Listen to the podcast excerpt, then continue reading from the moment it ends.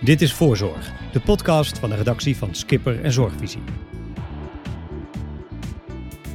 Hartelijk welkom, fijn dat u luistert naar Voorzorg, de podcast voor de zorg, gemaakt door de redactie van Skipper en Zorgvisie. In deze aflevering kunt u luisteren naar een interview met Kim Putters, directeur van het Sociaal Cultureel Planbureau en een van de belangrijkste adviseurs van het kabinet. Hij reflecteert op de impact van één jaar coronacrisis en de urgentie voor een degelijk herstelplan. Ook de noodzaak van netwerksamenwerking, goede toegang tot de GGZ en investeringen in het sociale domein komen aan de orde in gesprek met redacteur Bart Kiers. Nou, wat waren voor jou nou de hoogte- en de dieptepunten? Uh, nou, voor mij persoonlijk uh, is toch wel ja, het dieptepunt, laat ik daar toch maar mee beginnen, uh, ja, het gebrekkige sociale contact. Ik denk wat iedereen ervaart, we zitten allemaal een beetje in hetzelfde schuitje dit hele jaar. Ehm, dat je je ouders niet uh, kunt knuffelen, uh, dat je je vrienden niet meer kan zien uh, en, en eigenlijk ook niet echt goed op vakantie kan om, om, om te ontspannen. Dat is, vind ik wel een dieptepunt. Dat is, dat is meer een soort, soort van door het jaar heen. gelukkig heb ik niet heel, niet heel veel mensen om me heen verloren. Wel een goede vriendin. Uh, dus dat is natuurlijk ook een dieptepunt. En verder het hoogtepunt, ja, dat, dat, is, dat ligt eigenlijk dan toch weer dicht bij elkaar. Het hoogtepunt is ook wel weer genieten van thuis zijn en van mijn tuin en van mijn partner. Um, uh, en dat was iets ja, dat we nu gewoon veel meer hebben kunnen doen dan dat ik daar ooit tijd voor had. Uh, dus met het laptopje in de tuin kun je ook genieten. Ja, dus. Dus zitten allebei in. Ja, ja. Uh, een van die maatregelen is dat je maar één, één persoon op bezoek mag, mag hebben. Daar zei jij een keer van, het is alsof de staat aan tafel zit. Dus ja, ja, en, en dat, dat kwam er vrij spontaan uit. En toch uh, heb ik daar zeg maar onbewust vrij lang over na lopen denken in de afgelopen maanden. Want we praten in Nederland heel veel over de overheid. Je moet maar eens opletten, wij gebruiken niet zo heel vaak het woord staat. Nederlanders hebben ook wat minder met de staat dan met de overheid. Dat komt omdat we ja, ook historisch gezien altijd heel erg op onze autonomie gesteld zijn geweest. Uh, dat was natuurlijk in de tijden van de verzuiling al met verschillende religieuze groepen. Maar verder terug in de geschiedenis waren dat al wijken en buurten en gemeenschappen die gewoon de zaken zelf regelden. En daar helemaal niet zozeer een staat bij nodig hadden. Uh, maar na de Tweede Wereldoorlog hebben wij natuurlijk een overheidsrol ingevuld, onder andere door de verzorgingsstaat uit te bouwen. En is de overheid bij ons ook heel veel voorzieningen, onder andere in de gezondheidszorg, gaan organiseren. Uh, dat is een, een sterk dienstverlenende rol van de overheid. Een staat heeft toch meer de, de connotatie van ja, ingrijp, ingrijpen door de staat hè, in jouw vrijheden en, en de beperkingen die daarbij gekomen zijn. En ik denk dus dat wij in het afgelopen jaar ook ervaren hebben dat er een staat is die ons ook tot in onze grondrechten aan toe uh, kan beperken, omdat er een grotere dreiging is uh, die ons ook bedreigt. En dat was de, denk ik de dieperliggende achtergrond dat ik dat zei. Dus het feit dat ik ja, dan maar één iemand thuis mag ontvangen. Ja, dat voelt als, toch als een door de staat opgelegde maatregel die heel diep ingrijpt in mijn grondrechten op een vrij leven in dit land. Begrijp je hem wel? Uh, ja, in zoverre. Ik ben een sociaal wetenschapper. Hè, dus uh, vanuit de sociale wetenschappen gezien. Um, is natuurlijk het maar mogen zien van één iemand op een dag, bij wijze van spreken, is natuurlijk niet zo'n beste maatregel. Mensen hebben mensen om zich heen nodig, familie, vrienden. En je kunt, ja, we zijn sociale wezens. Het feit dat een, een virus een, een dodelijk virus, um, ja, besmettingen overbrengt. En dat doen wij als mensen, namelijk van mens op mens. Ja, daar is geen spel tussen te krijgen. Een besmetting loopt van mens tot mens of van dier tot mens. Um, ja, om dat te bestrijden uh, moeten contacten vermeden worden. Nou, en dan is dit een hele extreme maatregel. Um, maar uh, ja, je ziet het ook in andere landen. Uh, dit zijn het type maatregelen wat overheden dus nodig hebben om die contactbeperkingen ook voor elkaar te krijgen. Dus in zoverre begrijp ik dat die plaatsvindt. Maar zeg ik ook als sociaal wetenschapper dat het een buitengewoon schadelijke maatregel is. En dat die nooit, lang, nooit te lang zou moeten duren. Uh, maar ja, we zijn wel afhankelijk van de vraag of we dat, of we dat virus ook voldoende uh, onder controle krijgen. Ja. Maar hoe dan ook, kun je natuurlijk, ik zei we zijn sociale wezens, dus ja, ook als die maatregel van één of twee bezoekers per dag heel lang zou voortduren, denk ik dat die steeds lastiger wordt. En dat zie je al terug. Het RIVM heeft in zijn onderzoek van de gedragsunit onderzoekt uh, of mensen zich aan de maatregelen houden. En je ziet in de afgelopen uh, periode, zeg maar zo februari, in de loop van februari, zie je ook het, uh, het naleven van maatregelen teruglopen, waaronder het handen was de anderhalve meter, maar ook uh, het uh, maar één persoon ontvangen wordt ook steeds vaker overtreden. Dat zegt iets over ja, mijn eerste punt, namelijk dat we sociale wezens zijn en dat mensen niet zonder kunnen. We kunnen niet oneindig opgehokt zitten. Nee, dat kwam ook naar voren uit het rapport dat jullie uitbrachten. Hè? De rek is er een beetje uit. Ja, ja, en die rek, dat is, uh, dat is natuurlijk voor heel veel mensen iets anders. Dus um, ja, voor de een betekent die rek eruit dat je daadwerkelijk ziek bent, uh, misschien wel heel erg ziek bent of je naaste verloren hebt. En dat is niet alleen gezond, vanuit gezondheidsoogpunt, maar ook emotioneel uh, vreselijk. Dus dan gaat daar de rek uit. Voor de ander betekent het verlies aan baan en inkomen of je ziet je bedrijf uh, ja, onderuit gaan. Uh, nou, dat is daar, dan is dat de rek die eruit gaat. Namelijk dat je dat en dat ook dat heeft emotioneel heel veel effect op mensen. En weer voor een ander betekent het gewoonweg dat je inderdaad, zoals ik, die, het, die het goed heeft en die vooral last heeft persoonlijk van die beperkte sociale contacten. Bij mij raakt de rek eruit omdat ik merk dat ik eigenlijk niet zonder sociaal contact kan. Maar het zijn natuurlijk verschillende grootheden. Want ja, als je doodziek uh, bent of jouw partner doodziek is, ja, dan weegt dat wel iets zwaarder voor mij persoonlijk dan dat ik nog weer even iets langer moet doen om mijn vrienden weer live te kunnen zien. Dus die rek is voor iedereen iets anders. Maar als je het allemaal bij elkaar optelt, gezondheid, werk, inkomen, sociale contacten, uh, ja, dan, dan, dan is, is de rek er van de samenleving op een gegeven moment uit. En dat uit zich ook op een aantal manieren. Uh, wij, wij zien bijvoorbeeld van nou, we hebben nog best wel veel voor elkaar over. Dus hè, wat ik net zeg, uh, van nou, ik, ik, ik vind het logisch dat ik dan nog een tijdje mijn vrienden niet zou kunnen ontmoeten op een feestje. als dat betekent dat die ander geholpen kan worden in het ziekenhuis, omdat er minder besmettingen zijn. Hè, dat, dat kan ik nog wel rechtvaardigen, zeker persoonlijk vind ik dat. Maar um, we zien wel steeds dat het steeds moeilijker wordt en dat de wrijving tussen groepen daardoor ook wat toe kan nemen. Dus dat jongeren, uh, ja, die willen erop uit. Uh, ouderen denken, ja, maar op die feestjes zijn er besmettingen die uh, uitbreken. In het Vondelpark zag je... Vondelpark, ja, en dan, dan kun je krijgen dat groepen elkaar ook meer gaan kwalijk nemen. Zo van, ja, jij bent de schuld ervan dat ik een groter risico loop op besmettingen. Nou, wij zien nog niet uh, als SCP, dat dat aan het escaleren is in onze samenleving. We hebben nog steeds redelijk veel voor elkaar over, maar als je het afzet tegen de eerste fase van de crisis, waarin er een heel groot saamhorigheidsgevoel was en we echt ook vanuit zorgzaamheid naar elkaar uh, keken, ja, dan is dat wel een stuk afgenomen. En zien we dat die schuldvraag, zo van door wie komt het nou dat we nog steeds in die ellende zitten, dat die vaker naar boven komt. En daar wijzen wij wel op van pas er nou voor op. Um, dat dat niet sterker wordt. Ja, uh, want dat kan natuurlijk spanningen opleveren in de samenleving. Als je nu naar jullie rapport kijkt, welke groepen betalen nou een extra hoge prijs? Ja, daar zou ik eigenlijk een tweedeling maken. Aan de ene kant de groep mensen um, en dan gebruiken we vaak de term kwetsbare mensen. Dat is natuurlijk ook wel best wel een lastige term, want wat is dat nou precies? Nou, dan moet je denken aan bijvoorbeeld mensen met een beperking um, die al uh, moeilijk aan het werk konden komen. Uh, bijvoorbeeld um, eenzame ouderen die misschien nog wel net uh, één of twee keer per week een goede vriendin tijdens het Britse zagen, of misschien een kleinkind dat die nu helemaal niemand meer zien. jongeren um, die misschien al een achterstand op school hadden en die door de scholensluiting nog verder op achterstand zijn geraakt. Dus er zijn een aantal van deze groepen die we eigenlijk al voor de crisis kenden. Want die beperkingen die waren er vaak al.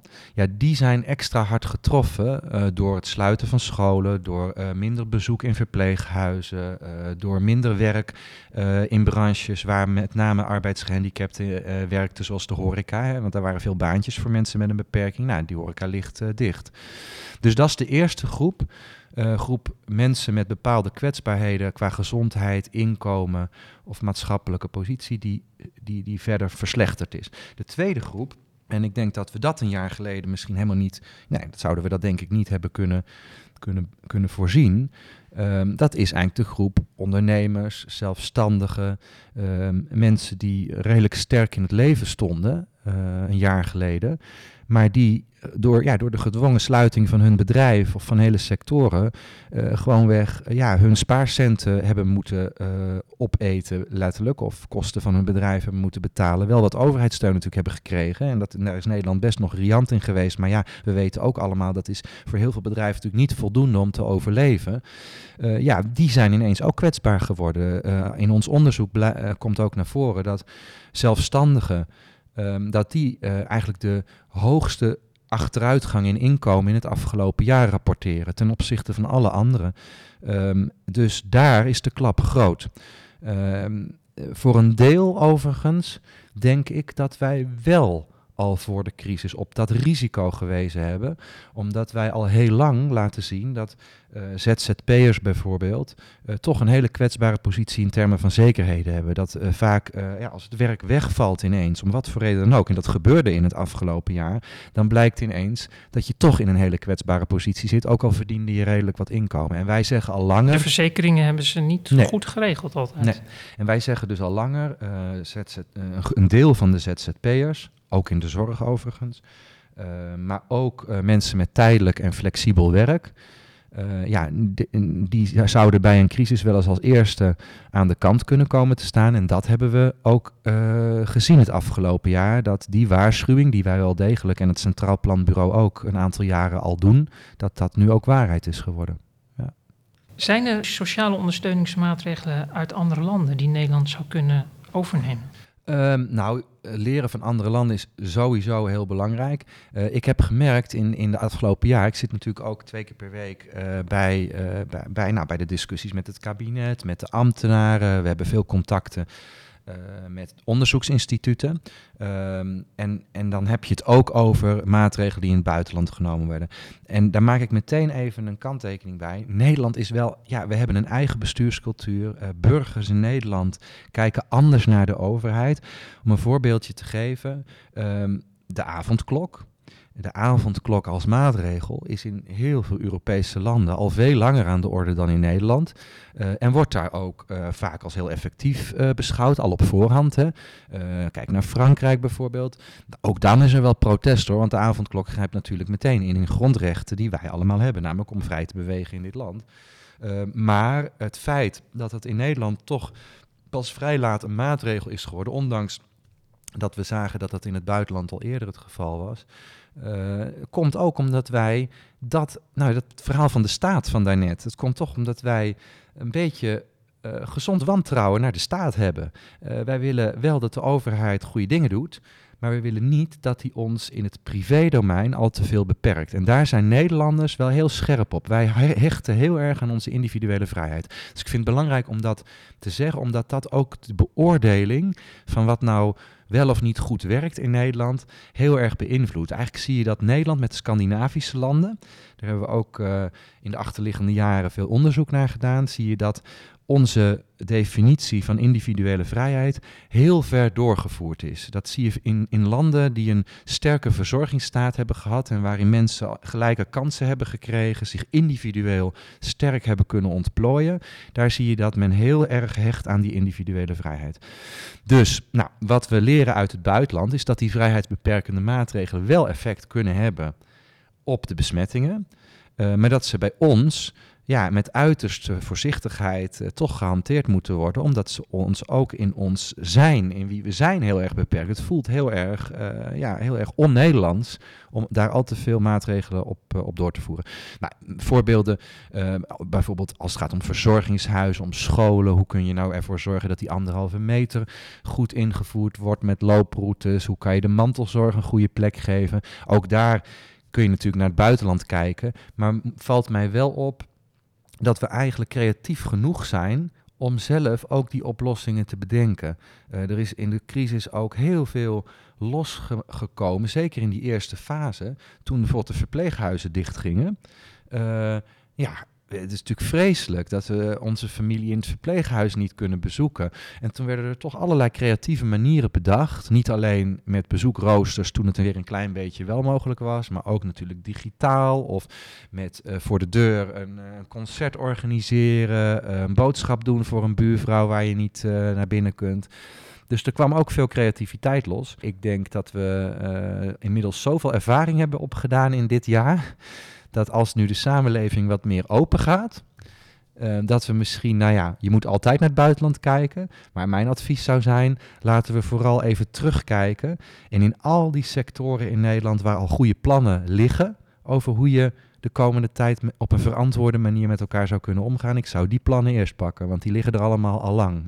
Jullie deden onlangs een dringende oproep om een herstelplan te gaan maken. Nu staan de verkiezingen voor de deur zodra de uitslag bekend is, kan dat, moet dat heel snel een rol gaan spelen dan? Ja, Hoe stel je dat voor? Eigenlijk is de, inderdaad de boodschap, um, wij zien drie categorieën problemen. Het eerste is dat de pandemie, maar ook het overheidsbeleid, schade veroorzaakt. Sociaal, economisch, gezondheid. Um, dus uh, je moet zoveel mogelijk schade beperken en erger voorkomen. Dat moet nu al. Dus langzaam maar zeker zie je ook hè, eh, programma's voor jeugd, om uh, jeugd met psychische problemen te helpen. Er komt een onderwijsprogramma, dus moet je nu al doen. Maar dat is categorie beleid 1, waar je niet zeven maanden, nou ja, de laatste formatie duurde zeven maanden. Het kan overigens ook gewoon in twee weken geregeld zijn. En soms, soms gebeurt het maar dat verwacht ik dan in een ingewikkeld politiek landschap niet. Maar daar die schade beperken, daar moet wel het kabinet, ofwel het demissionaire kabinet stevig mee doorgaan of je moet zeggen, als je dat anders wil als politiek, nou, dan moet die coalitie er snel komen. Want dat kan je niet zomaar op zijn beloop laten. Dat is de eerste categorie. De tweede categorie geldt eigenlijk hetzelfde voor. Want dat zijn namelijk de problemen die Nederland al had voor de crisis en die eigenlijk alleen maar groter zijn geworden. Dan moet je denken aan uh, de problemen op de arbeidsmarkt. Ik had het daarnet over de mensen in een flexibel en tijdelijk contract met weinig zekerheden. Nou, we zien dat die problemen dus nu alleen maar groter zijn geworden, terwijl er al heel veel plannen liggen. Een commissie Borstlab die heeft nagedacht over hoe je mensen meer zekerheid zou kunnen geven. Uh, de WRR, de Sociaal-Economische Raad. En eigenlijk is er best al wel breed draagvlak in de Nederlandse politiek dat je iets moet doen om de positie van mensen in tijdelijke en flexposities te versterken. Nou, dan zeggen wij, dat vonden wij al een jaar geleden overigens, want toen de politiek besloot om het toch maar bij de formatie neer te leggen, uh, hebben wij ook al gezegd, is dat nou wel verstandig? Want eh, die problemen zijn eigenlijk, en eigenlijk zijn we al zover in, in, in overeenstemming daarover. Maar goed, dat ligt er nu en dat kan ook niet nog een half jaar wachten, want de komende periode zullen heel veel mensen misschien alsnog hun baan verliezen, bedrijven moeten hun, hun verdienmodel veranderen, uh, misschien hebben ze ander personeel nodig als ze uit de crisis komen. Dus er is urgentie op het arbeidsmarktvraagstuk. Dat geldt ook voor het duurzaamheids- en klimaatvraagstuk, alhoewel dat over lange termijn doelen gaat. Maar wij moeten de afspraken die we daar internationaal over gemaakt hebben ook gewoon halen. Dus ook dat is er eentje die je meteen moet oppakken. En ook voor de gezondheidszorg geldt. We wisten in het sociaal domein, we hebben allerlei evaluaties gedaan. In de participatiewet zien we dat mensen die de meeste ondersteuning hebben, die heel vaak niet krijgen. Dat de, de, de, de arbeidsparticipatie van mensen met een beperking is de afgelopen jaren afgenomen in plaats van toegenomen. En ik vertelde je daarnet dat juist in deze crisis de banen die mensen met een beperking nog hadden, heel vaak zijn weggevallen, omdat het in de horeca, in de evenementenbranche, de uitzendbranche was. Um, dus deze vraagstukken, grote vraagstukken uh, in het sociaal domein, arbeidsmarkt, uh, maar ook klimaat zou ik zeggen, dat zijn er een aantal waarvan we al heel lang weten dat we die willen aanpakken. Uh, waar best wel veel draagvlak voor is. En daarvan zeggen we als planbureaus ook: probeer daar nou een vliegende start mee te maken. Nou, en dan heb je nog categorie 3. Daar zou je misschien even wel wat meer tijd voor moeten nemen. Dat is namelijk ja, de, de wat verder weg liggende doelstelling. Wat voor soort samenleving gaan we nou worden in de komende jaren? Welke grote keuzes komen er de komende vier jaar op ons af? Daar zeg ik wel gelijk bij dat kan ook niet helemaal los van die eerste twee. Want een arbeidsmarkt richt je niet voor twee jaar in. En de gezondheidszorg kun je niet iedere drie jaar reorganiseren. Ehm, dus je moet natuurlijk al wel een idee hebben. Maar er zijn nog genoeg dingen waar je iets meer tijd voor kunt nemen. dan nu meteen wel die crisis op een goede manier uh, tot een einde weten te brengen. Nou, dat is de reden waarom we hebben gezegd: kom nou heel snel met die eerste twee categorie problemen. met een goede aanpak. Breed gedragen door de politiek en neem voor een aantal andere dingen iets meer de tijd. Nou, goed, we zullen zien of ze het gaan doen. Het kan overigens, hè, want wat wel mooi is aan het afgelopen jaar uh, in, in het politieke uh, landschap, is dat toen de crisis uh, een paar maanden aan de gang was en duidelijk werd hoe, hoe diep die ook zou kunnen worden, ja, toen is er ook echt met uh, heel breed draagvlak in de Tweede Kamer, is er een, een gesprek met het kabinet geweest over steunplannen aan bedrijven, maar ook aan de zorg. Um, en dat is met heel breed draagvlak uh, toen gesteund. Dus uh, met vereende krachten zijn we toen die eerste fase van de crisis uitgekomen. Daarna zijn de basjes in, de, in het draagvlak gekomen. Uh, maar die eerste fase was heel eendrachtig. Dus ja, ik zou zeggen, het kan dus. Het is bewezen. Heeft een kabinetsformateur daar ook nog een rol in? Ja, ik denk dat wat heel belangrijk is natuurlijk van... Nou ja, de eerste plaats is het belangrijk de uitkomst van de verkiezingen. En de vraag of politieke partijen het met elkaar willen doen? Dit is, dus, dat is uiteindelijk de belangrijkste vraag. Um, en dan is het natuurlijk zo dat een, formateur, een informateur uh, ja, uh, niet alleen een inhoudelijke opdracht heeft, als het goed is meekrijgt van de Tweede Kamer. Want sinds uh, de Tweede Kamer dat bij de koning heeft weggehaald, gaat ze er zelf over. Zowel over de benoeming van een informateur als over de opdracht die die informateur krijgt. Dus er moet eerst een inhoudelijke opdracht komen dus daar heeft die informateur een belangrijke rol in. Van hoe ga ik dat ontrafelen? Nou, ik heb net een suggestie gedaan hè, van knip dat op en doe sommige dingen wat sneller. Uh, maar wat natuurlijk ook een hele belangrijke rol is in zo'n fase, is dat je ja, dat er ook, ook een teamgevoel moet ontstaan. En dat politieke partijen met elkaar het commitment opbouwen om ervoor te willen gaan. Dus ja, die, dat is heel belangrijk, zo'n zo'n formatiefase. Ja. Als we nu naar de zorg gaan, de roep om versoepelingen zwelt aan eigenlijk. Hè? Terwijl je tegelijkertijd ziet dat die cijfers, de epidemiologische cijfers, nog niet zo heel erg goed zijn. En in de zorg proef ik toch wat bezorgdheid. Nou, uh, laat ik beginnen dat ik die zorg wel uh, deel. Dus ja, wij zijn uh, natuurlijk als SCP, la laten wij zien hoe belangrijk versoepelingen zouden zijn, omdat we die sociale gevolgen voor een aantal groepen zo duidelijk in ons onderzoek zien.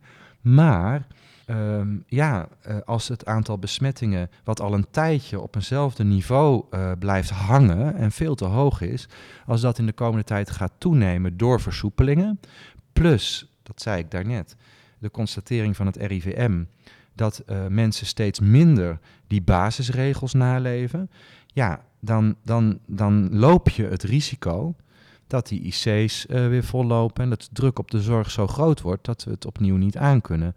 En dat opnieuw niet aankunnen is eigenlijk zelfs een verkeerde uitdrukking, want ik denk dat de zorg helemaal nog geen verlicht, echt verlichting heeft gevoeld. Hè? Dus je moet je indenken dat er mensen hebben zo hard gewerkt, dat kun je nog helemaal niet verwerkt hebben. Uh, lichamelijk en mentaal niet, maar ook in, termen van wat je allemaal meemaakt met elkaar op het moment dat je zoveel zieke mensen uh, in één keer over je heen krijgt. Dus Um, dus ja, uh, ik denk dat heel veel mensen in de zorg nog het gevoel hebben dat ze er nog middenin zitten. Uh, en dat die, die extra druk een groot risico is voor de vraag of we het aankunnen. Dus ik deel die zorg.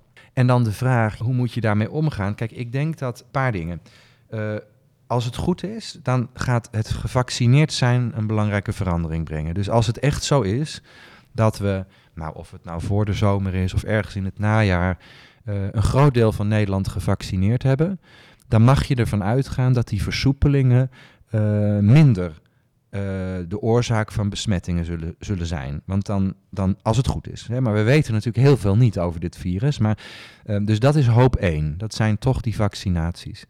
hoop 2 is dat we langzaam maar zeker ook leren leven met dit virus. Dus dat we toch ons realiseren ja, ik ben ook een risico voor die ander. Dus ook al is nog niet iedereen gevaccineerd en er is toch een versoepeling in de horeca of in cultuursector, hou je aan de regels. Nou, dat is mijn hoop twee, dat, dat we dat toch blijven doen, omdat we er iets voor terugkrijgen. Namelijk, we kunnen weer naar een terras bijvoorbeeld. Nou ja, uh, dan blijft het risico. Dus ik begrijp de, de, de, zorg die er in de, in de gezondheidszorg leeft heel goed. Uh, maar wat ik ook zeg, is dat ik denk dat het voor de samenleving heel ingewikkeld is dat als die versoepelingen nu stapsgewijs komen, om dan bijvoorbeeld twee, drie weken later weer terug te moeten. Ik denk dat die rek er ook uit is. Dus ik merk wel dat de rek er bij, op de mensen op de IC en op de SCH's, dat die er ook uit is. Ja.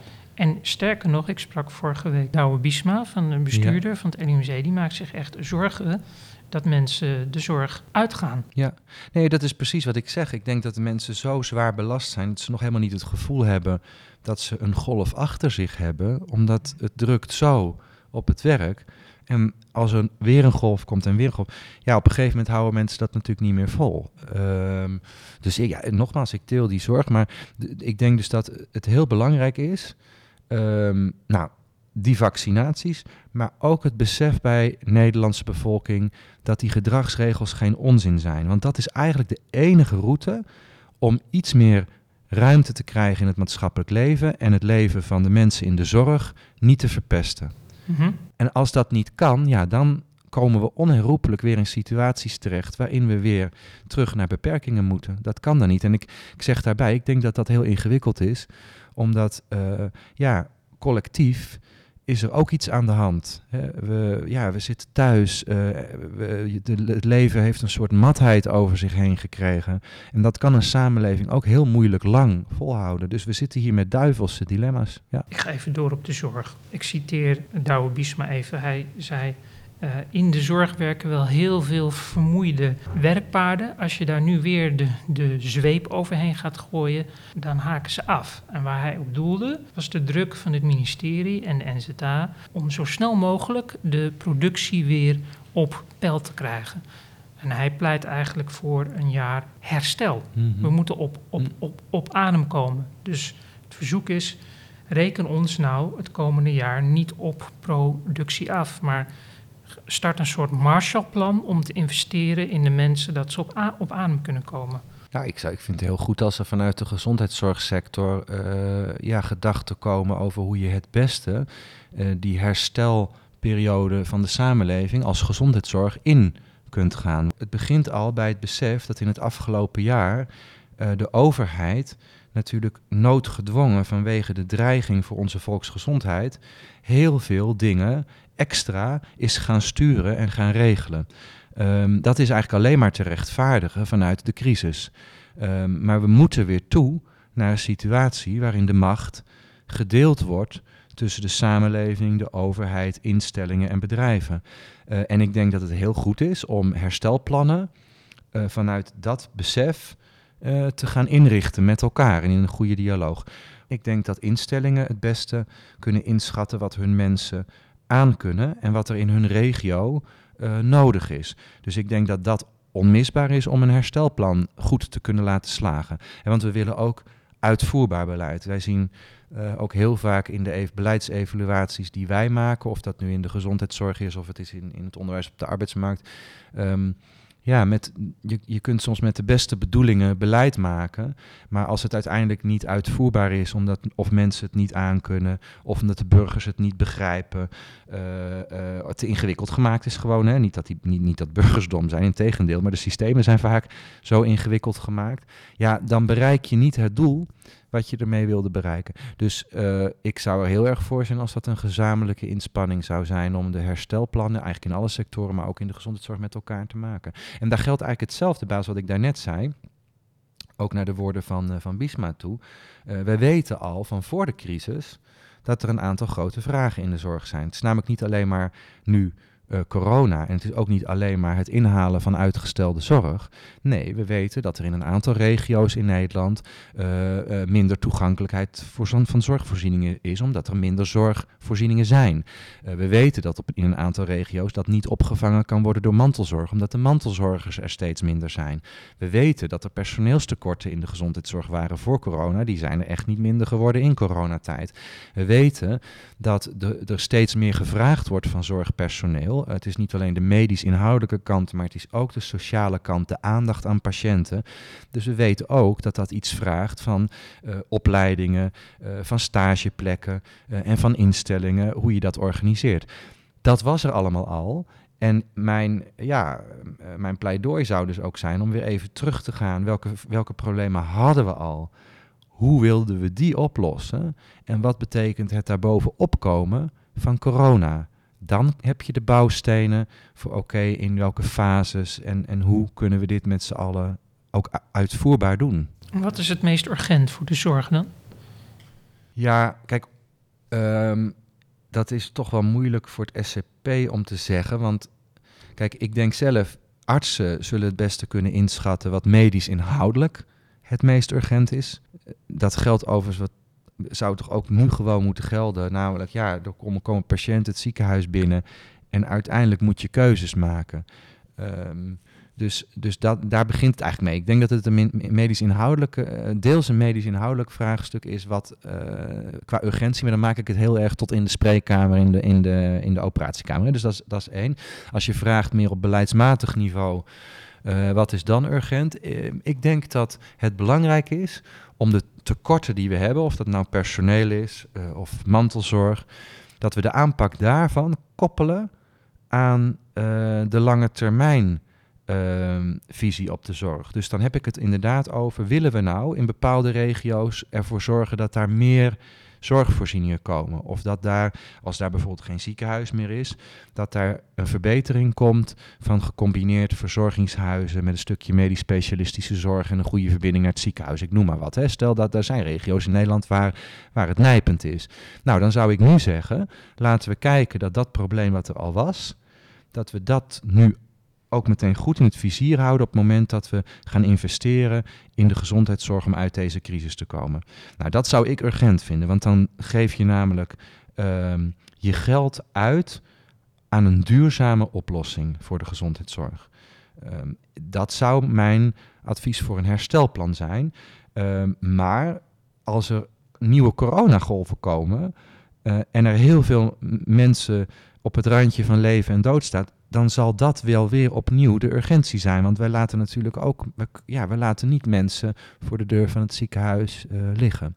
Dus die urgentie is niet absoluut. Daar, uh, daar kan je, hè, dus het is en medisch inhoudelijk, maar ook, ja, wat gebeurt er, uh, wat overkomt je?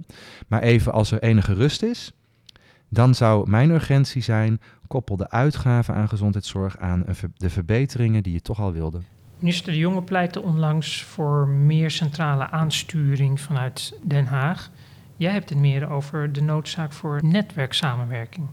Ja, nou, uh, eigenlijk zeg ik, uh, zeggen we, uh, er zijn heel verschillende soorten problemen in de gezondheidszorg. En er zijn vraagstukken die, die moet je echt met elkaar oplossen, gewoonweg, omdat je dat helemaal niet vanuit Den Haag uh, uh, kunt doen. Hè? Dus die zijn, kijk, het, inschatten wat er in een regio, hoe de demografie eruit ziet, wat voor type ziektes je ouderen hebben, um, uh, hoeveel risico je op coronagevallen loopt. Dus als je dat hele plaatje maakt, ja, dat kan alleen maar in die regio met een goed samenspel gedaan worden. En daar moet de Rijksoverheid en de verzekeraars, de toezichthouders, die moeten zorgen voor goede randvoorwaarden. Financieel, juridisch, um, in termen van stenen misschien en vergunningen of whatever. Of aanwijzingen, zodat het mogelijk wordt om iets te doen. Um, en ook dat is dan eigenlijk samenspel. Dus dan blijft er wel degelijk iets wat je vanuit Den Haag centraal moet regelen. Maar dan is er heel veel uh, voor de invulling uh, daarvan en de keuzes die gemaakt moeten worden, wat, wat gewoon toch in dat netwerk van de regio gedaan moet worden. Maar er zijn wel een aantal vraagstukken die zich veel meer lenen, gewoon vanwege de aard van de, van de vraagstukken, die zich wat meer lenen voor een iets centralere aansturing. Uh, overigens betekent dat nog niet, centralere aansturen betekent niet altijd dat de overheid dat alleen moet doen. Een voorbeeld, als je kijkt naar de opleidingen. Uh, als je kijkt naar uh, de, de, de kennisinfrastructuur, hè, daar maken wij als SCP ook deel van uit. Dus gewoonweg welke kennis over goede gezondheidszorg, effectief bewezen interventies, uh, de grote problemen in het sociaal domein. Niet iedereen heeft kennisinstellingen uh, in zijn stad of in zijn regio zitten. En dat hoeft ook helemaal niet, want dat zou ook een beetje gek zijn. Je kunt die kennis over best practices, over wat wetenschappelijk bewezen is, die kun je ook delen. Dus kennisinfrastructuur, opleidingen, nou dat is nou zo'n voorbeeld. Dus ook veel nodig overigens om de toekomst tegemoet te gaan, waar je meer landelijk uh, dekkend uh, aanbod op moet zien te organiseren. Ook daar kan je natuurlijk dan weer regionaal verschillen maken, omdat sommige regio's meer kennis over het een of het ander hebben. Dus ik denk dat het er juist om gaat dat wij, we moeten begrijpen wat de problemen in de zorg zijn. Dus we moeten niet vanuit beleid uh, per se denken. We moeten denken van, oké, wat maakt die patiënt in de zorg mee? Wat maakt die professional mee? Wat maakt die ziekenhuisbestuurder elke dag mee? Wat is dan het echte probleem? En wie moet daar wat voor doen? Nou, dan is het vraagstuk van capaciteit is een ander vraagstuk dan het vraagstuk van opleidingen. Dus ik denk eigenlijk dat je er niet heel eenduidig over kunt spreken, maar dat je eh, goed moet steeds moet kijken wat voor soort aanpak heb je bij welk probleem nodig. De GGZ, die gaat waarschijnlijk veel op zich af zien komen de komende tijd. Is die daar klaar voor? Nou, dit is ook zo'n voorbeeld waarvan we al voor de crisis uh, uh, een aantal uh, dingen voorbij zagen komen, zoals wachtlijsten in de GGZ. Als je het ook nog combineert met jeugdzorg, waren de problemen, zijn de problemen ook fors.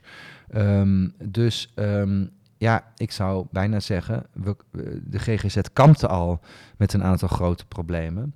Uh, en wij zien dat er in het psychisch welbevinden van de samenleving het een en ander aan de hand is. Uh, overigens uh, is het belangrijk om daarbij te zeggen, we, we, zijn allemaal wat somberder geworden.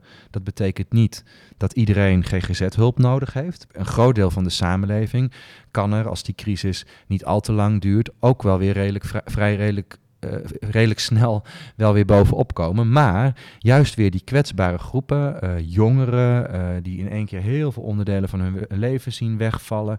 Ja, daar is een behoefte aan GGZ-hulp aan het toenemen. En wij wijzen er inderdaad op dat we verwachten dat in de komende, nou ja, afhankelijk van hoe lang de crisis nog duurt, maar in de komende jaren de behoefte aan GGZ-hulp toe zal nemen. Dat die, die kans is vrij groot. Dus ja, daar is uh, meer nodig om A, de GGZ goed te, organiseren uh, in het hele land, maar ook B, om voldoende personeel te hebben om dat te kunnen doen. Ja, GGZ is natuurlijk wel ook, uh, uh, iedere sector in de gezondheidszorg heeft natuurlijk weer verschillende ontwikkelingen doorgemaakt. In de GGZ zijn er ook weer hele interessante ontwikkelingen op het gebied van online hulpverlening, um, uh, waar in de crisis ook nog weer een extra ontwikkeling aan is gegeven. Um, dus er zijn ook weer allerlei nieuwe mogelijkheden ontstaan om die hulpvraag voor een deel op te vangen. Maar uh, ja, uh, wij denken dat, uh, dat er in de komende paar jaar in het hele sociaal domein, de gezondheidszorg, maar zeker de GGZ, het een en ander nodig is. Er komt nog één argument bij. Eigenlijk laat de geschiedenis van grote crisissen laat zien dat de sociale en mentale gevolgen van een crisis altijd een paar jaar lang naeilen. Dus de grotere effecten die komen nog op hulpvraag. En dat, als je dat weet, en ja, vanuit het onderzoek weten we dat. Dus als je dat weet, kun je er nu op inspelen dat je straks voldoende uh, hulpverleners hebt. En hoe moet dat gebeuren dan? Nou, door uh, allereerst heel goed te kijken. Uh, soms leer je ook van de geschiedenis, hè, dus ook goed te kijken naar bijvoorbeeld... wij hebben dat gedaan bij het SCP. Wat, is, wat heeft de crisis van 2008 nou betekent. Uh, nou, we hebben in kaart gebracht, op basis ook van gegevens van Trimbos en van anderen, um, dat na de financiële crisis van 2008 de hulpvraag in de GGZ en het psychisch welbevinden van mensen een tijd lang uh, opliep. Hè. Dus het psychisch welbevinden nam af en de hulpvraag nam toe.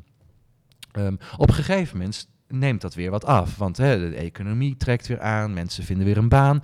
Maar daarmee zijn niet meteen alle psychische problemen opgelost. En wat we dan door de tijd heen zien, is dat uh, heel veel jaren lang je nog steeds niet op het niveau van psychisch welbevinden terugkomt van 2008. Het duurt heel lang voordat dat zich herstelt. En eigenlijk zijn we er nog steeds niet helemaal hersteld van dat niveau van 2008. Nou, wat ik daarmee wil zeggen, als je dat weet, als je dat type kennis op tafel hebt, dan kun je in ieder geval nu nadenken. Uh, ja, wat betekent dat voor sommige regio's in Nederland waar nu de hulpvraag al vrij hoog is? Is daar de komende tijd meer capaciteit nodig of niet? Uh, ga daarover in gesprek met de GGZ-sector. Dat is, uh, dat is denk ik wat er dan nodig is. Ja. Jullie waren laatst, uh, onlangs een kritisch rapport over de decentralisatie uh, uitgebracht. Wat kunnen we nou verwachten van de Rijksoverheid in dat opzicht voor het sociaal domein? Nou, in de allereerste plaats, dat, uh, maar dan praat ik even vanuit het Sociaal en Cultureel Planbureau, uh, ja, toch positie kiezen op die evaluaties en, uh, en, en uitresultaten van onderzoek. Hè? Van, nou, ik noemde daarnet al even de mensen met arbeidsbeperkingen. Ehm, nou, daar is al het een en ander in gang gezet overigens, naar aanleiding van onze evaluatie. Ook in samenspraak met werkgevers om, om ervoor te zorgen dat mensen toch aan een baan komen. Maar dat gaat toch heel stroef en traag. Dus ik denk dat daar is meer nodig de komende tijd. Uh, bijvoorbeeld in de sfeer van ondersteuning van werkgevers, ondersteuning op de werkvloer, begeleiding, opleiding. Uh, maar ook voor gemeenten. Uh, wij constateerden dat uh, ja, gemeenten hebben maar een beperkt budget. De berichten zijn ook alarmerend. Hè. Gemeenten, heel veel gemeenten zitten met tekorten. Um, ja, en wat doe je dan? Ja, beschut werk is een, is een kostenpost. Dus wij zien dat gemeenten eerder mensen met een lichte hulpvraag helpen, omdat ze dan ook gewoonweg meer mensen kunnen helpen met het budget dat ze hebben, maar dat daarmee de meest kwetsbare mensen vaak van ondersteuning verstoken blijven. Uh, nou, als het gaat om de jeugdzorg, uh, hebben we toch moeten constateren dat ook daar de meest ingewikkelde hulpvragen, dus de gespecialiseerde jeugdzorg, in, echt wel in de knel komt. En dat ook wijkteams uh, ja, heel weinig toekomen om hun uh, outreachende werk, zoals dat uh, zo mooi heet. Dus echt goed traceren wat er in een wijk en, en, buurten aan hulpvraag is. En ook als dat gespecialiseerde hulp is, goed verwijzen. Dat ze daar ook maar beperkt aan toekomen. Dus kortom, ik denk dat het belangrijk is dat ook voor de komende kabinetsperiode echt even goed gekeken wordt naar wat zijn nou die kernproblemen die we signaleren. En dan vervolgens ja, wie moet er dan wat doen? Ligt bij de Rijksoverheid natuurlijk ook wel echt de vraag: wat is de toekomst van het sociaal domein? Dus uh, betekent het nou dat we toegaan naar een pad waar gemeenten nog meer verantwoordelijkheden krijgen? En wat betekent dat dan financieel? Dus uh, blijft dat zoals nu, dat de Rijksoverheid uh, dat vanuit het gemeentefonds blijft bepalen? Uh, ja, en wat doe je dan als gemeenten niet uitkomen? Hebben ze dan mogelijkheden om zelf extra financiering te realiseren? En op welke manier dan? Uh, kunnen ze dan ja, belastingen gaan hè? Ja, kunnen ze belastingen gaan heffen of eigen bijdragen? Dat doen ze natuurlijk sommige gemeenten al. Maar daar moet je natuurlijk wel positie op kiezen. Van wat is nou de toekomst van het sociaal domein? En wat betekent dat voor de financiering, voor de organisatie? Uh, van, uh, van de zorg en de rol van gemeenten uh, daarbij.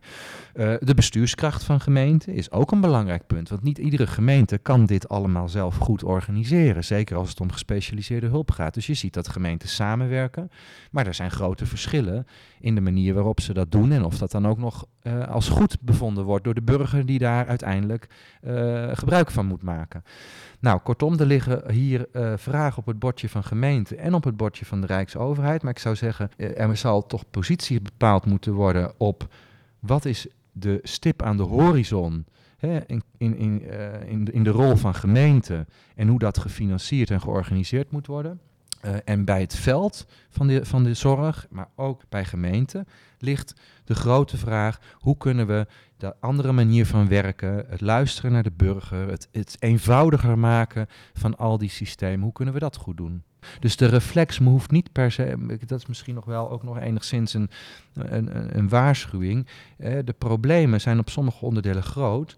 Uh, de reflex betekent niet per se dat de Rijksoverheid dit allemaal weer moet gaan doen. We zien dat gemeenten niet altijd uitkomen financieel. We zien ook dat de ene gemeente het beter doet dan de ander. Maar dat komt ook door de omstandigheden. Dus je kunt ook zeggen, we moeten de financiering, de kennisinfrastructuur, de opleidingen, de juridische armslag van gemeenten, die moeten we versterken om ervoor te zorgen dat het echt beter daar gebeurt.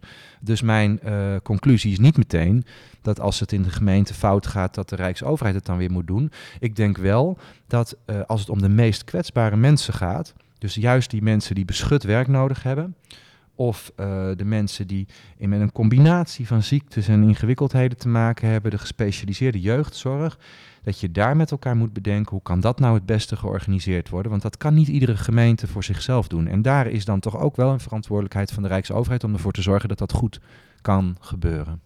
Wat is de rol van de politiek ten opzichte van het OMT? Nou, die is in feite heel helder. Uh, het OMT adviseert en de politiek beslist. Dat is de rolverdeling. Ehm, ik zeg ook altijd, ja, jullie wegen de adviezen. Ehm, ja, en je kunt het ene advies iets zwaarder wegen dan het andere advies, maar dat is de politieke rol. Nou schrijf je in je essay, de machinekamer, het vergt moed om grenzen te stellen waar wetenschap eindigt en politiek begint. Ja. Daarmee lijkt je te bedoelen dat dat in de praktijk niet altijd. Nou, ik denk dat uh, in, de, in de praktijk van het afgelopen jaar dat um, uh, die grens soms diffuus is geweest. En dat komt omdat uh, de OMT-adviezen natuurlijk heel belangrijk zijn in het bestrijden van de pandemie. En dat komt omdat dit een zogenaamd, ja, in mooi Nederlands, een wicked problem is. Dus een, een, een probleem, een pandemie, een probleem waarvan we eigenlijk niet precies weten, ah, waar hij vandaan komt, wat hij doet, uh, hoe je dat moet aanpakken. Uh, in het begin van de crisis noemde de politiek dat die dichte mist. Hè? En ik denk dat ze daarin nog optimistisch uh, zijn geweest. Door, door, ik geloof dat het soms de minister-president zei van nou, we hebben 50% mist en 50% weten we iets. En nou, misschien is die mist wel groter geweest dan dat. Hè? Want ja, er is gewoon heel veel onbekend, blijkt ook wel na een jaar. Nou, daar moet de politiek in laveren. Nou, als die dreiging van de gezondheid zo groot is, is het vrij logisch dat je heel veel waarde hecht aan gezondheidsgerichte adviezen. Want dat is je grootste probleem. Um, dus die OMT-adviezen die zijn een hele grote rol gaan spelen in de kabinetsbesluitvorming. Nou, dat hebben we allemaal kunnen zien en dat hebben we ook in de persconferenties kunnen zien. Uh, maar dat betekent niet dat het OMT op de stoel van het kabinet zit. En die discussies die zijn er natuurlijk in het publieke debat wel geweest. In de talkshows, in de kranten en overal. Van ja, het OMT bepaalt wat het kabinet moet doen. En daarvan zeg ik, nee, dat is niet waar. Want het kabinet heeft een eigenstandige uh, verantwoordelijkheid. De regering regeert, het OMT adviseert. En op het moment dat daar in de samenleving verwarring over ontstaat, vind ik dat je dat wel heel duidelijk moet maken. Um, en overigens, in, in al die tijd uh, hebben wij als planbureaus ook geadviseerd. Uh, is er ook een redteam geweest? Hè, is er nog steeds trouwens. De, allerlei wetenschappers. Dus er liggen altijd meerdere adviezen op tafel. Dus het verhaal is natuurlijk compleet. Um, dat juist dat OMT-advies wat zwaarder weegt. Om hele legitieme redenen wellicht. Maar dat is uiteindelijk de verantwoording over de besluitvorming zoals die loopt. En ik denk dat het juist als een crisis lang duurt. en mensen heel veel behoefte hebben om te te, te begrijpen wat er gebeurt. Uh, en om ook te begrijpen waarom er zoveel van ze verwacht wordt uh, in termen van het inleveren van vrijheden. dat je dan ook, en dat was wat ik bedoelde, hè, laat dat heel, heel duidelijk zijn in het komend jaar. Wat de wetenschap doet en wat de politiek doet. Dat we de rollen zuiver houden. En dat mensen ook gewoon zien wie adviseert, en wie beslist. Dus het is vooral een oproep aan, naar transparantie en, en helderheid. En die is er uh, voor het pu bredere publiek ja, soms niet altijd uh, geweest. En dan denk ik, nou, dan, daar, daar moet je aandacht aan besteden. Ja. Tot slot, injectienaalden. Oh nee, daar gaan we het daarover hebben. heb je, je hebt gehoord dat ik daar niet tegen kan. Ja, ja ik ben ook te veel een open boek. ik hoop niet dat je ze bij je hebt. Want dan eindigt dit, dit gesprek heel snel, ben ik bang. nee, maar uh, daar ben je bang voor, maar je gaat ja, hem wel halen. Ik heb zelfs wel eens een, een diepere uh, gedachte gehad van hoe komt het nou dat ik dan toch in mijn studie aan de Erasmus Universiteit, in mijn proefschrift over ziekenhuizen, in mijn leerstoel over de gezondheidszorg, hoe komt het nou toch dat ik mijn werk ben gaan maken van een sector waar ik eigenlijk mijn grootste angsten in heb zitten, uh, zoals injectienaalden, maar ik ben ook wel bang om ziek te worden of om dood te gaan. Uh, nou, misschien is het wel dieper liggend dat ik zoveel uh, ja, respect en waardering heb voor een sector waarvan we allemaal willen dat hij er is op het moment dat we hem nodig hebben, maar waar we in de tussentijd liever niet al te veel over nadenken. En de injectienaald staat voor mij symbool. Daar, ik, ik, ja, ik krijg daar gewoon een ongemakkelijk gevoel bij. Ik kan daar niet goed tegen dat hij in mijn aderen moet en zo. Um, dus de injectienaald is iets waar ik liever niet over nadenk. Maar dat als ik bij een dokter naar een dokter toe moet, echt wel hoop dat hij er is. En dat die dokter hem er goed inzet. En dat is voor mij uh, de gezondheidszorg. Um, uh, voor, voor iedereen in ons land moet hij er zijn als het nodig is. Um, uh, en je moet je eigenlijk geen zorgen hoeven te maken dat hij er niet is. Ehm, maar dat betekent ook dat we de mensen die daar werken moeten waarderen, dat we goed moeten organiseren, dat we goed moeten besturen. Dus het draag, we dragen veel verantwoordelijkheid uh, om het dan ook goed te doen. Maar dat is voor mij het symbool van de injectienaald. Ja. En dat is ook de reden dus waarom ik me er toch met heel veel liefde al die jaren uh, mee bemoei en onderzoek in doe en probeer ja, bij te dragen aan betere besluitvorming. Want ik ben natuurlijk geen dokter. Ik ben een sociaal wetenschapper, een bestuurskundige.